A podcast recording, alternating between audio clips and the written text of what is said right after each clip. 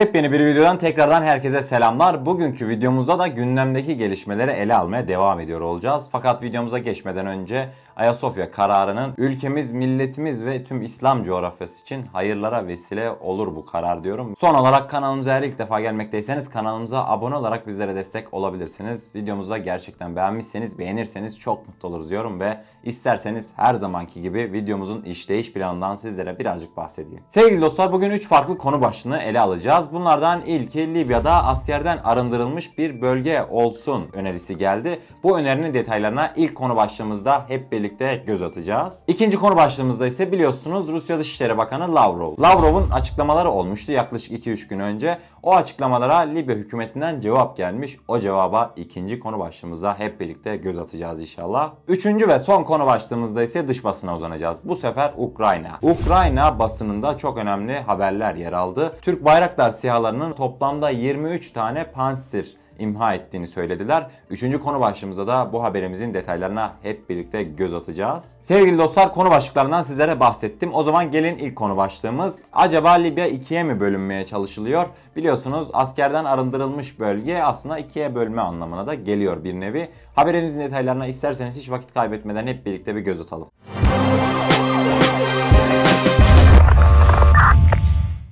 İlk olarak bu konuya ilişkin açıklama Almanya Dışişleri Bakanı Maas tarafından gelmişti. Maas, Libya'da taraflara gecikmeksizin ve koşulsuz müzakerelere başlama çağrısı yaparak bunun için ilk önemli adım Sirte ve Cufra'nın askerlerden arındırılması olabilir dedi.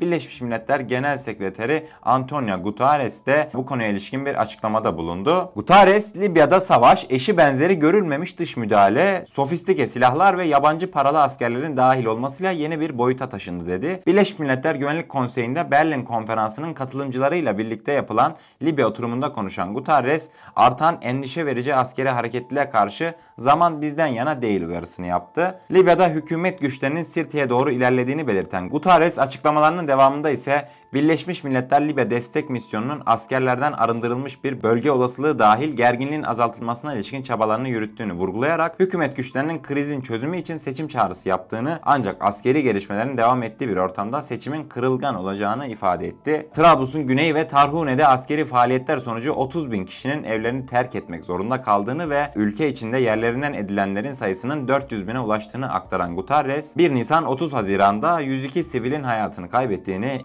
254 kişinin de yaralandığını hatırlattı. Guterres son olarak da petrol sahalarının kapalı olmasının Libya'da 6 milyar dolar gelir kaybına neden olduğuna da dikkati çekerek Birleşmiş Milletler'in ülkenin doğusundaki gayrimeşru silahlı güçlerin lideri Halife Hafter'e bağlı güçlerin petrol sahalarına uyguladığı ablukanın kaldırılması için arabuluculuk yaptığını söyledi ve Birleşmiş Milletler Güvenlik Konseyi'nden bu çabalara destek vermesini istedi. Sevgili dostlar Guterres'in açıklamaları aynen bu şekildeydi. Sirte ve Cufra bölgesinde askerlerden arındırılmış bir bölge oluşturulmasını istediklerini belirtmişler ve bu konuya ilişkinde çalışmalarının devam ettiğini söylediler. Peki yapılan bu çağrı ne anlama gelmekteydi? Açıkçası değerli dostlar Birleşmiş Milletler'in bu hamlesi Libya'yı çok açık ve net bir şekilde ikiye böldürür. Bunun sebebi ise askerlerden arındırılmış bölgenin bir tarafında Hafter olur, bir tarafında ise Ulusal Mutabakat Hükümeti olur.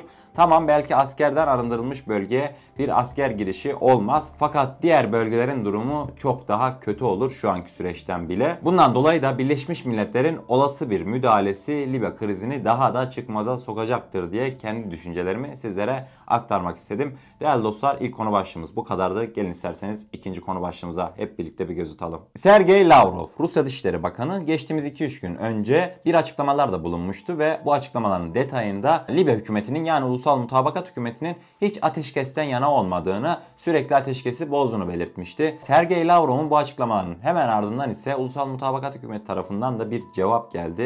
Cevapları aynen şu şekildeydi. Haberimizin detayları şu an karşınızda. Libya hükümeti Rusya Dışişleri Bakanı Sergey Lavrov'un ateşkes istemedikleri yönündeki açıklamalarına ülkenin doğusundaki gayrimeşru silahlı güçlerin lideri Halife Hafter'in müzakere masasını terk etmesini hatırlatarak tepki gösterdi. Libya Dışişleri Bakanlığı'ndan yapılan yazılı açıklamada Rusya Dışişleri Bakanı Lavrov'un Libya hükümetinin ateşkes anlaşmasını imzalamak istemediği yönündeki ifadelerine cevap verildi. Türkiye ve Rusya'nın girişimleriyle 13 Ocak'ta Moskova'da kurulan anlaşma metninin Libya hükümeti hükümeti tarafından imzalandı. Buna karşılık olarak da Hafter'in masayı terk ederek Rusya'dan ayrıldığı hatırlatılan açıklamada Libya hükümetinin sürekli barışçıl çözüm için çaba sarf ettiği vurgulandı. Açıklamada şu ifadelere yer verildi. Libya hükümetinin Berlin konferans sonuçlarını memnuniyetle karşılayarak uygulamaya çalıştığını, Cenevre 5 artı 5 askeri komite toplantılarına da olumlu katkılarda bulunduğunu, Hafter'in ise buralarda alınan kararları ihlal ettiğini Lavrov'a hatırlatırız. Libya hükümeti kuruluşundan itibaren çözümün barış ve uzlaşıyla olacağına inandı ve bu doğrultuda birçok toplantıya katıldı denildi. Açıklamanın devamında ise Lavrov'a Birleşmiş Milletler himayesinde Libya'nın güneybatısındaki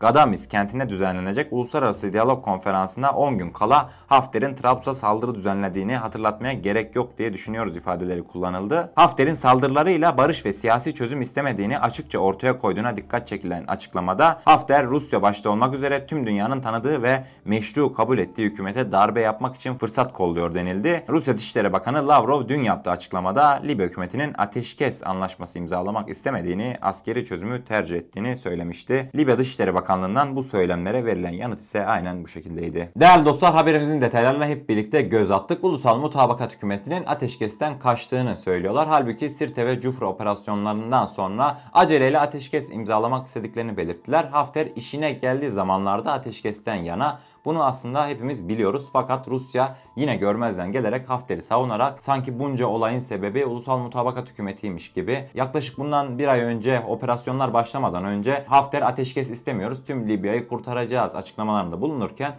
ne oldu da operasyon başarıyla yürütüldükten sonra Hafter bir anda ateşkes istemeye başladı. Bu soruların yanıtlarını aslında hepimiz biliyoruz. Bu yüzden bu konunun üzerinde de daha fazla durmaya gerek yok. Yaşanan gelişmeleri sizlere aktarmak istedim değerli dostlar. Evet, üçüncü ve son konu başlığımıza geçelim. Ukrayna. Ukrayna medyasına uzanıyoruz. Dış basın haberlerimizden bir tanesi bugün de. Ukrayna medyası öyle açıklamalarda bulundu ki Libya ve Suriye'de Bayraktar SİHA'ların 23 tane Pantsir'i imha ettiğini söyledi. Biliyorsunuz Bayraktar SİHA'larımız Ocak ayında Ukrayna'ya satılmıştı ve ilk operasyonlarını da çok yakın bir zamanda gerçekleştirmişlerdi ve çok da memnun kaldıklarını belirtmişlerdi Türk kaynaklarına. İsterseniz lafı hiç uzatmayın ve Ukrayna medyasının haberinin detaylarına hep birlikte bir göz atalım. Ukrayna merkezli Defense Express kendi kaynaklarına atıfta bulunarak Suriye ve Libya'da en az 23 adet Rus yapımı Pantsir S-1 hava savunma sisteminin imha edildiğini bildirdi. Ukrayna aktif biçimde Türkiye'den ithal ettiği Bayraktar TB2 SİHA'ları kullanıyordu. Geçtiğimiz günlerde Ukrayna ordusu tarafından gerçekleştirilen geniş çaplı bir tatbikatta da kullandığına ilişkin videolar paylaşılmıştı. Sevgili dostlar Ukrayna medyasının yapmış olduğu haberin detayları aynen bu şekildeydi. Ve bir de gelin isterseniz Rus televizyonlarından 360 TV'nin açıklamaları vardı. Yakın dönemde yapılmıştı. O açıklamanın detaylarına da hep birlikte bir göz atalım isterseniz. Rus medyasında 54 terörist SİHA yok edildi başlığı kullanıldı. Söz konusu haberde